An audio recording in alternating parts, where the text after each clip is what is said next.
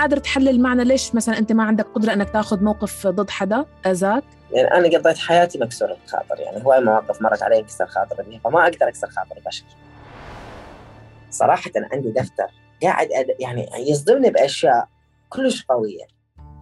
سمعتوا صوت علي سعد شاب عراقي من بغداد عمره 19 سنة طالب طب أسنان ويعمل كمتطوع في مجال رعاية المسنين والأيتام.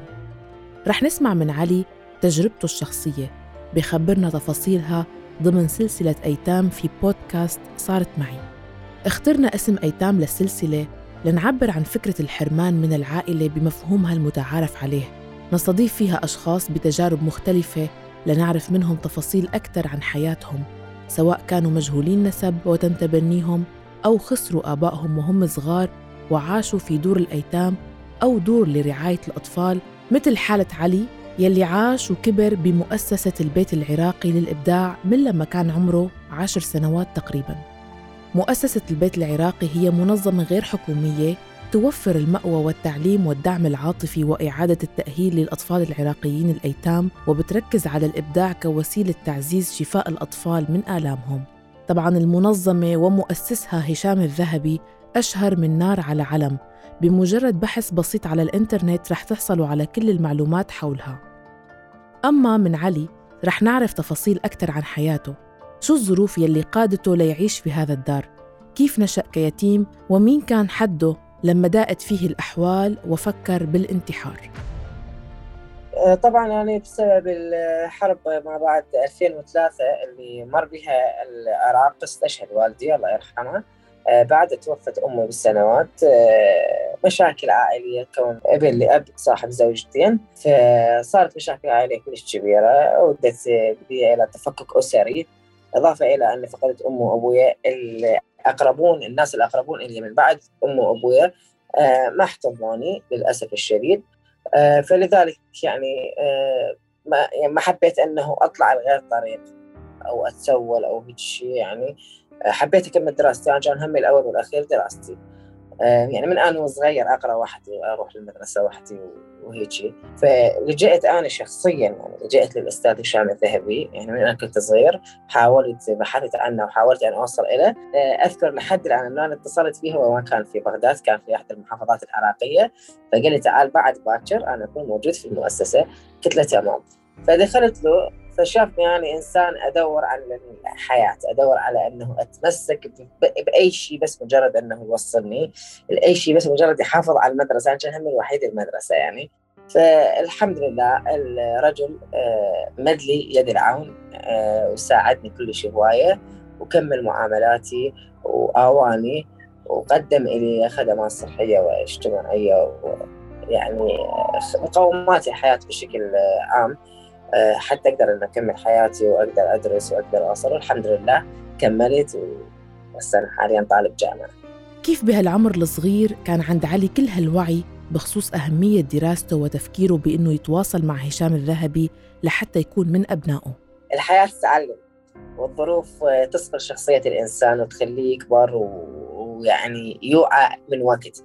يعني شخص يجوز هو بعمره ثمان سنوات تصير عقليته عمره 15 سنة أو 18 سنة. ليش؟ لكون انه الظروف هي اللي علمته والحياة يعني مدرسة مديرها الزمن. فالزمن من البداية إنه هو قسى علي من أنا وصغير فتعلمت هواي أشياء. كان همي الأول والأخير إنه أوصل وكان لاعداء للناس اللي ما احتضنوني واللي وقفوا ضدي من بعد وابويا فضل كلش كبير يعني كلش كبير علي. لأنه أعطوني حافز إنه أنا غصبا ما عليهم أريد أوصل حتى لو كنت وحدي.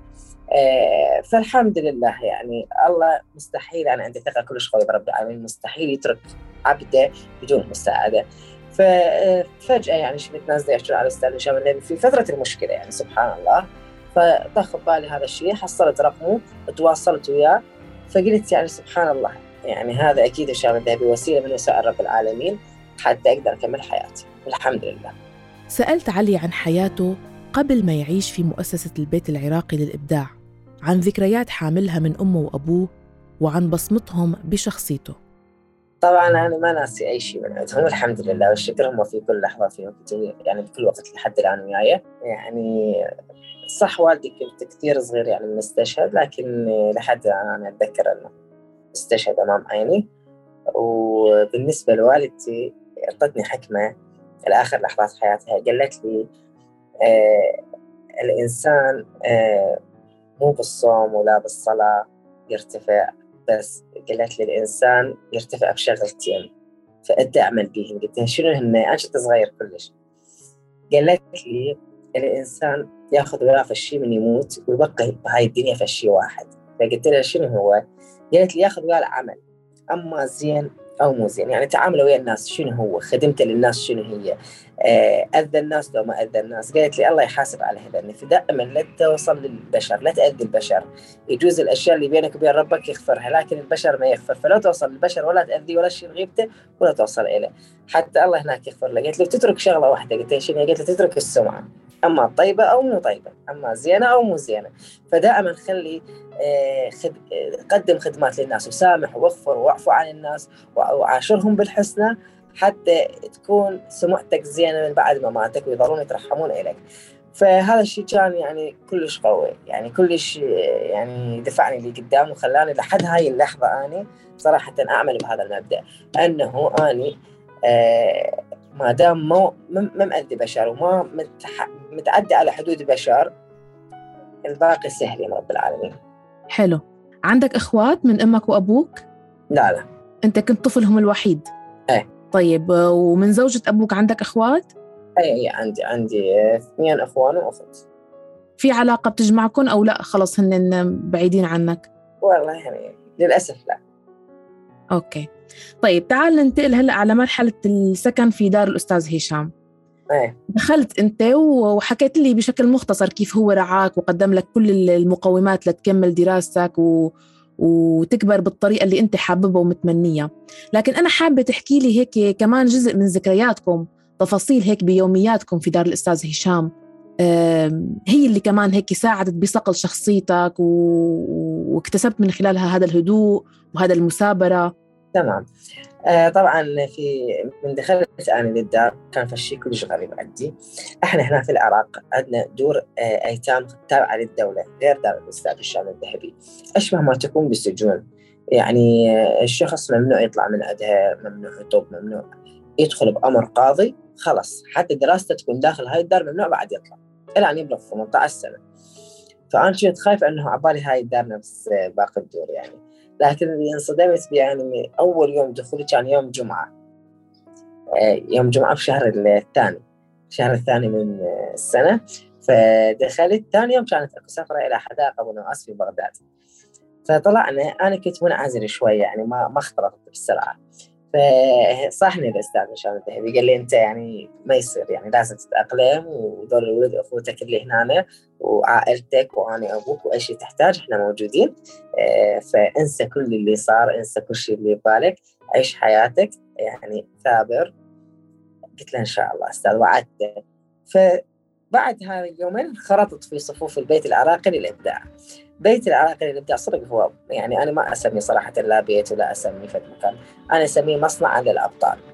بيت العراقي للابداع يضم كان قاعات للتدريب على النحت والموسيقى والرسم والعزف وكثير كثير كثير والخياطة والطباخة إضافة إلى الدراسة يعني.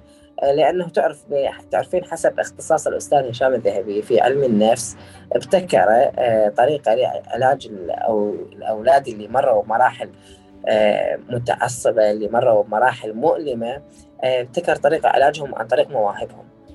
فكان الشخص يعني يدخل يعني لدن الدورات التدريبية فيشوفوه هو بأي واحدة من عندهم يبدع يثبتوه بها ويخليه ينمي, ينمي هاي الموهبة اللي عنده. فأنا بوقتها كنت كلش أفكر بدراستي يعني أبد ما يهمني أي شيء. فدخلت كل الدورات. فماكو ما نجحت ولا واحدة من يعني أبد إيش قد ماكو هاي. هو خش إيش قال لي؟ قال لي أنت ما تفيد إلا بس الدراسه قلت له هي هو أنا هيك يعني. قلت له أنا إيه، كلش أحب دراستي وهاي.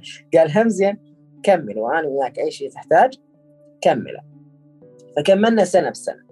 والحمد لله والشكر. أنا يعني كنت آه، أطلع الأول على المدرسة في كل المراحل و يعني كنت أفرح كلش من أطلع الأول لأن أقول جزء حرد له شيء بسيط يعني لأن هو كان هم يفرح ويفتخر بي فأقول كنت حرد له شيء بسيط من آه، من جميله يعني. بعدين من شبيت انضميت إلى فريق جد بخدمتك هذا الفريق اللي كونه آه، الشباب اللي ربهم الأستاذ هشام الذهبي.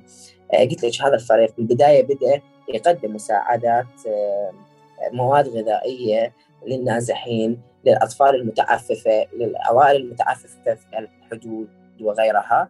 بعدين تطورت الفكرة فتحنا دار للمسنين والحمد لله اليوم إحنا الشباب في نفس الوقت طلاب جامعات وفي نفس الوقت نخدم مجتمعنا. آه، أكو حكمة تقول فاقد الشيء لا يعطيه. هذه الحكمة خاطئة. إحنا كسرنا هذا الحاجز. إحنا فقدنا أشياء لكن أعطينا أشياء كلش هواية. آه، فحاليا قلت يعني آه، المسنين بالإضافة إلى تدريبنا للأطفال في الدار. يعني هسه إحنا حاليا جاي ندرس الأطفال بدورات مكثفة داخل الدار ونرعاهم ونرعى المسنين وندرس بنفس الوقت. والحمد لله والشكر هاي أشياء ما يقدر شاب عاش قد أهله يوصلها. طيب علي آه، أنتم بالدار أعدادكم ما شاء الله كبيرة. فالأستاذ هشام بالنهاية بشر. أكيد عنده طاقة للتحمل عنده طاقة للاستيعاب يعني حابة أعرف شوي من شخص من جوا الدار كيف بيتم تنظيم الأمور بحيث كل الأطفال ياخذوا حقهم بالاهتمام والرعاية وبإنه ما يتم تقصير تجاه أي حدا. طبعا إحنا قبل هذا الدار اللي انفتح قبل أسبوعين تعرفين الأستاذ هشام الذهبي شارك بمهرجان صناع الامل اللي اقاموه في الإمارات آه، برعاية الشيخ محمد بن راشد ال مكتوم حفظه الله، طبعا هذا اليوم كان بمثابة ارس الاطفال كلهم. يعني هسه أتذكر ذيك الليلة كان البث آه، مقفل عندنا. ما أعرف شفرة القناة فوقف البث لما يعلنون النتائج. الأطفال كلها كانت كامشه قلبها فبعدين اتصلوا بينا قالوا الأستاذ فاز فما تعرفين الهوس اللي صارت العوائل العراقية لحد الثنتين الثلاثه بالليل بعد 12 بالليل قاموا يجون ويباركون وفشي فكان مثل العرس صراحة. آه والحمد لله يعني. فهو تبرع بمبلغ الجائزة لبناء أول بيت ملك للأيتام في العراق. وبعد محاولات عديدة الدولة أعطته الأرض وبدأ يبني بها إلى أن قبل تقريبا أسبوعين افتتح الدار. طبعا بناء عملاق بناء آه، بأشياء آه، يعني في قمة التطور في أشياء يحتاجها الشخص حتى ينمي عقله. آه، يعني ما ينوصف صراحة شيء من الخيال يعني فد قطعة بناها حتى تصنع صدق أبطال فيها كل شيء. لكن قبل هذا الدار إحنا كنا عايشين في دار كلش صغير. دار كلش متواضع وهذا علامة على أنه الإنسان لا يقول أنا ما عندي ما قدرت اوصل ولدي أو فشي لا لا إحنا كنا قاعدين بدار كلش صغير. آه، كان الأستاذ كل يقطع من عنده ويسوي له من يوم وهيك حتى شنو حتى شوية يغير من ديكوره حتى يغير من نفسية الأطفال. فهو أنا صراحة متعجب أنا أنا لحد الآن متعجب شلون قدر أنه يدير العملية. العملية كلش صعبة مو بالهينة. آه، ما يقارب 60 طفل كلهم مدارس كلهم مسؤولية كلهم محتاجين محتاجين كل شيء يعني مختلف الأعمار بتقول الأمر واحد. لكن اللي يسهل عليه العملية إنه هو عنده أصدقائه في نفس المجال من علم النفس اختصاص علم النفس باحثين نفسيين آه، تطاوعوا في الدار آه، وعملوا معه. والحمد لله ما كان لله ينمو. يعني أنا هيك افسرها صراحة لو يعني لو كان لغير الله مستحيل يقدر ينجح لأنه عملية كلش صعبة. طفل أو طفلين إحنا بالبيت ما نقدر نسيطر عليهم فكيف ما ب 60 طفل ومتجددين؟ فهذا في الشيء كلش عظيم. فتوفيق من الله. يعني ما أقدر أجاوبك على أكثر من هذا الشيء لأن مستحيل يعني يقدر شخص ينجح بهيك عملية. يمكن تحليلي الشخصي الموضوع إنه هو لما عم بكبر آه، جيل هذا الجيل اللي عم يكبر عم يكون سند له ليربي الأصغر. بالضبط. هو هيك يعني دائما كان شو يقول يقول أنا كل ما تضيق بي الدنيا وأقول انتهيت وخلاص راح أعوف هاي الأمور. تعبت أني يقول فجأة الله يدز لي موقف. شخص من زمان كنت ارعاه ولد كان صغير عندي وأنا ربيته وكبر وخابرني وسلم علي وجاب لي ابنه شوفني إياه. يقول فكان دافع لي إنه اكل هم بالدار الأشخاص لأي عمر بيضلوا؟ هو الدار الوحيد اللي ما بعمر محدد. يكمل دراسته ويتخرج بعد التخرج بسنة آه بعد التخرج مباشرة يعينه بعد التعيين بسنة آه يزوجه.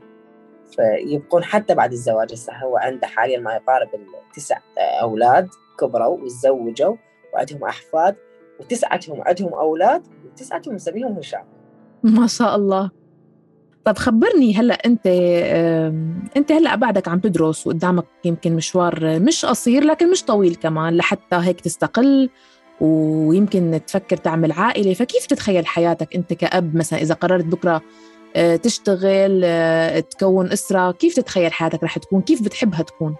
أنا عندي قاعدة دائما يعني تعرفين الشباب بالمجتمع بالجامعة يصيرون شو وقت تتزوج شو وقت يعني تكون عائله شو وقت هاي.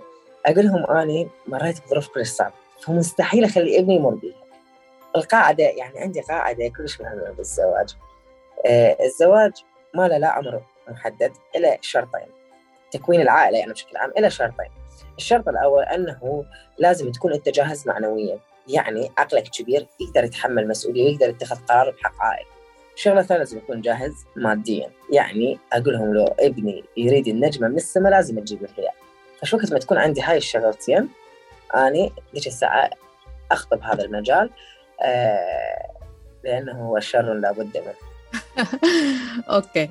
طب ليك علي أنت عشت بفترة من طفولتك بجو عائله بشكل المتعارف عليه يعني العائلة إنه أم وأب وطفل. بعدين انتقلت على بيت الأستاذ هشام تغير مفهوم العائلة. فأنت آه، فكرة العائلة في رأسك لما تحكي عن العائلة ويحكى قدامك عن العائلة هل صارت آه، هل ما زالت ثابتة إنه والله لا العائلة هي أم وأب آه، وأطفال أم ممكن صار عندك رأي خاص وشخصي بمفهوم العائلة؟ صراحة ما فرق فشي. يعني من دخلت من الأستاذ هشام الذهبي ما فرق فشي عن العائلة اللي أنا كنت فيها يعني الأستاذ هشام الذهبي هو مو الحالة زوجته معاه معانا في الدار 24 ساعة وأولاده وأبنائه فكنا نعيش جو عائلي يعني. لحد الآن نعيش جو عائلي. يعني هناك كان أم وأب وهنا أم وأب. وإخوان بس هنا الإخوان أكبر يعني العائلة تكون كبيرة. والأب والأم مش ضروري يكونوا هم البيولوجيين يعني اللي أنجبونا. أبدا أبدا صراحة. صح أنا مريت بفترة عكست هذا الشيء ببالي لكن الأستاذ هشام الذهبي صح مستحيل يكون. وأنا هذا الإنسان هشام الذهبي. صراحة عندي دفتر قاعد أد... يعني يصدمني بأشياء كلش قوية. فأنا قاعد أسجل به الملاحظات اللي يعني حتى أرد أعلمها الأطفال بالمستقبل. تصرفات اتجاه أطفال أو اتجاه زوجته أنا ملاحظة لأنه هو يعني هم عايشين ويانا 24 ساعة. مسجلها عندي بالدفتر حتى باكر أقول يعني أنا تصير عندي عائلة اتعامل وياها اتعامل ويا عائلتي مثل ما هو دا يتعامل. معلش تحكي لنا شيء وحده هيك كثير معلق ببالك من هالملاحظات بما إنك عم تدونهم هيك وتسجلهم؟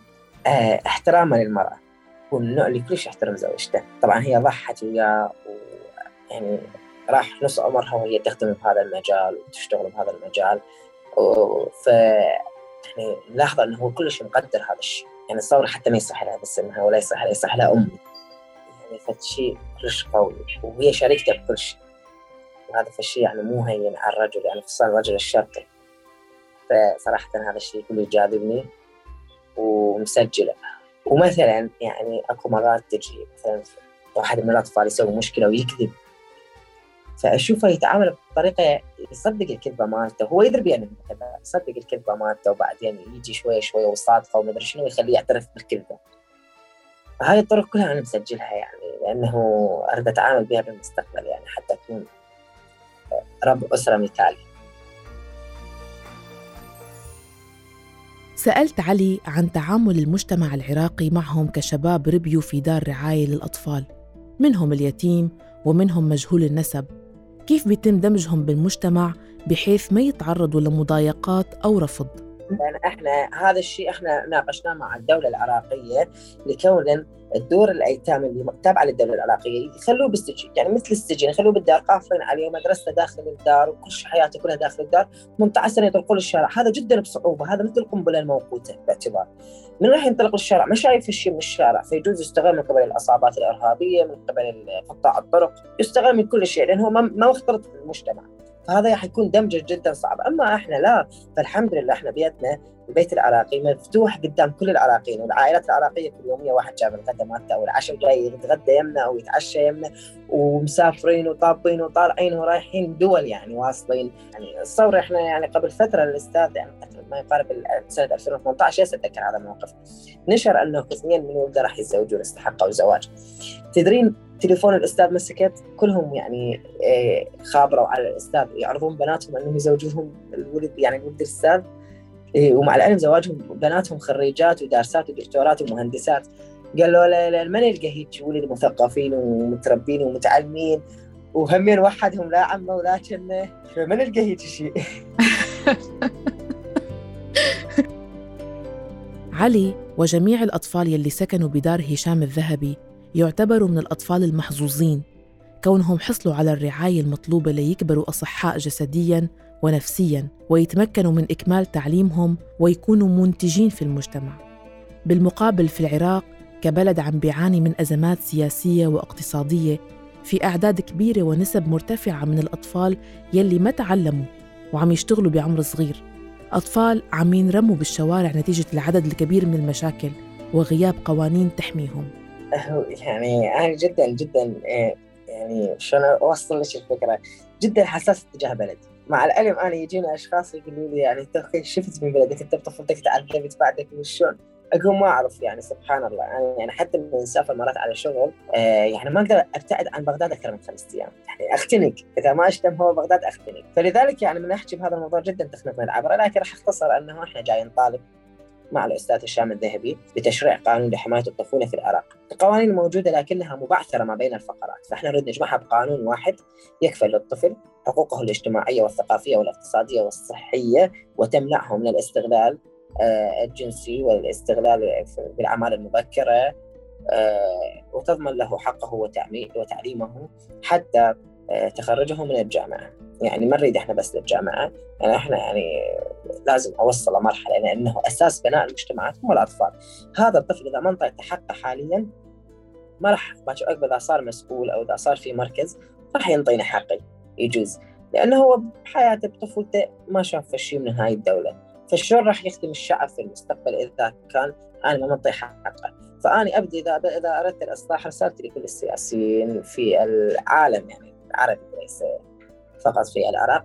إذا أردت الإصلاح في بلدك فأبدأ من الأطفال لأنهم نواة المجتمع واساسه فأنت أبدأ من الأطفال حتى يعني يزدهر بلدك وحتى الجيل اللي يصعد. أنت ما دام هذا زرعت زراعة صحيحة وسقيته ورعيته فأكيد راح يثمر في المستقبل.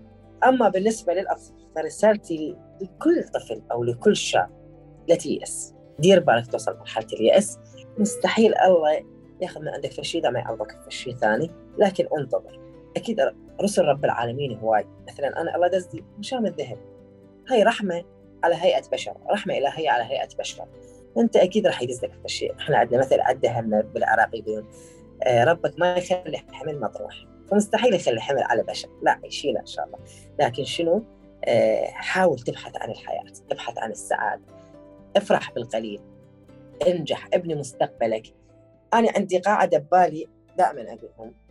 يعني أو أنا دائما أحكي يا ربي. أقول له يا إلهي أنت خالقني لهدف.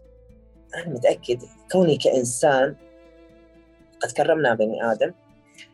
فأنت ما معقولة تخليني مثل الحيوان أنه أنا أعيش آكل أشرب إلى أن أموت. حالي حالي الحيوان. لا أنت خالقني الهدف خالقني حتى اوصل رساله فيا ربي أترجاك إنك تساعدني وتقوي ساعدي على إنه أوصل للهدف اللي أنت خالقني له لأجله وأنا أوصل رسالتي.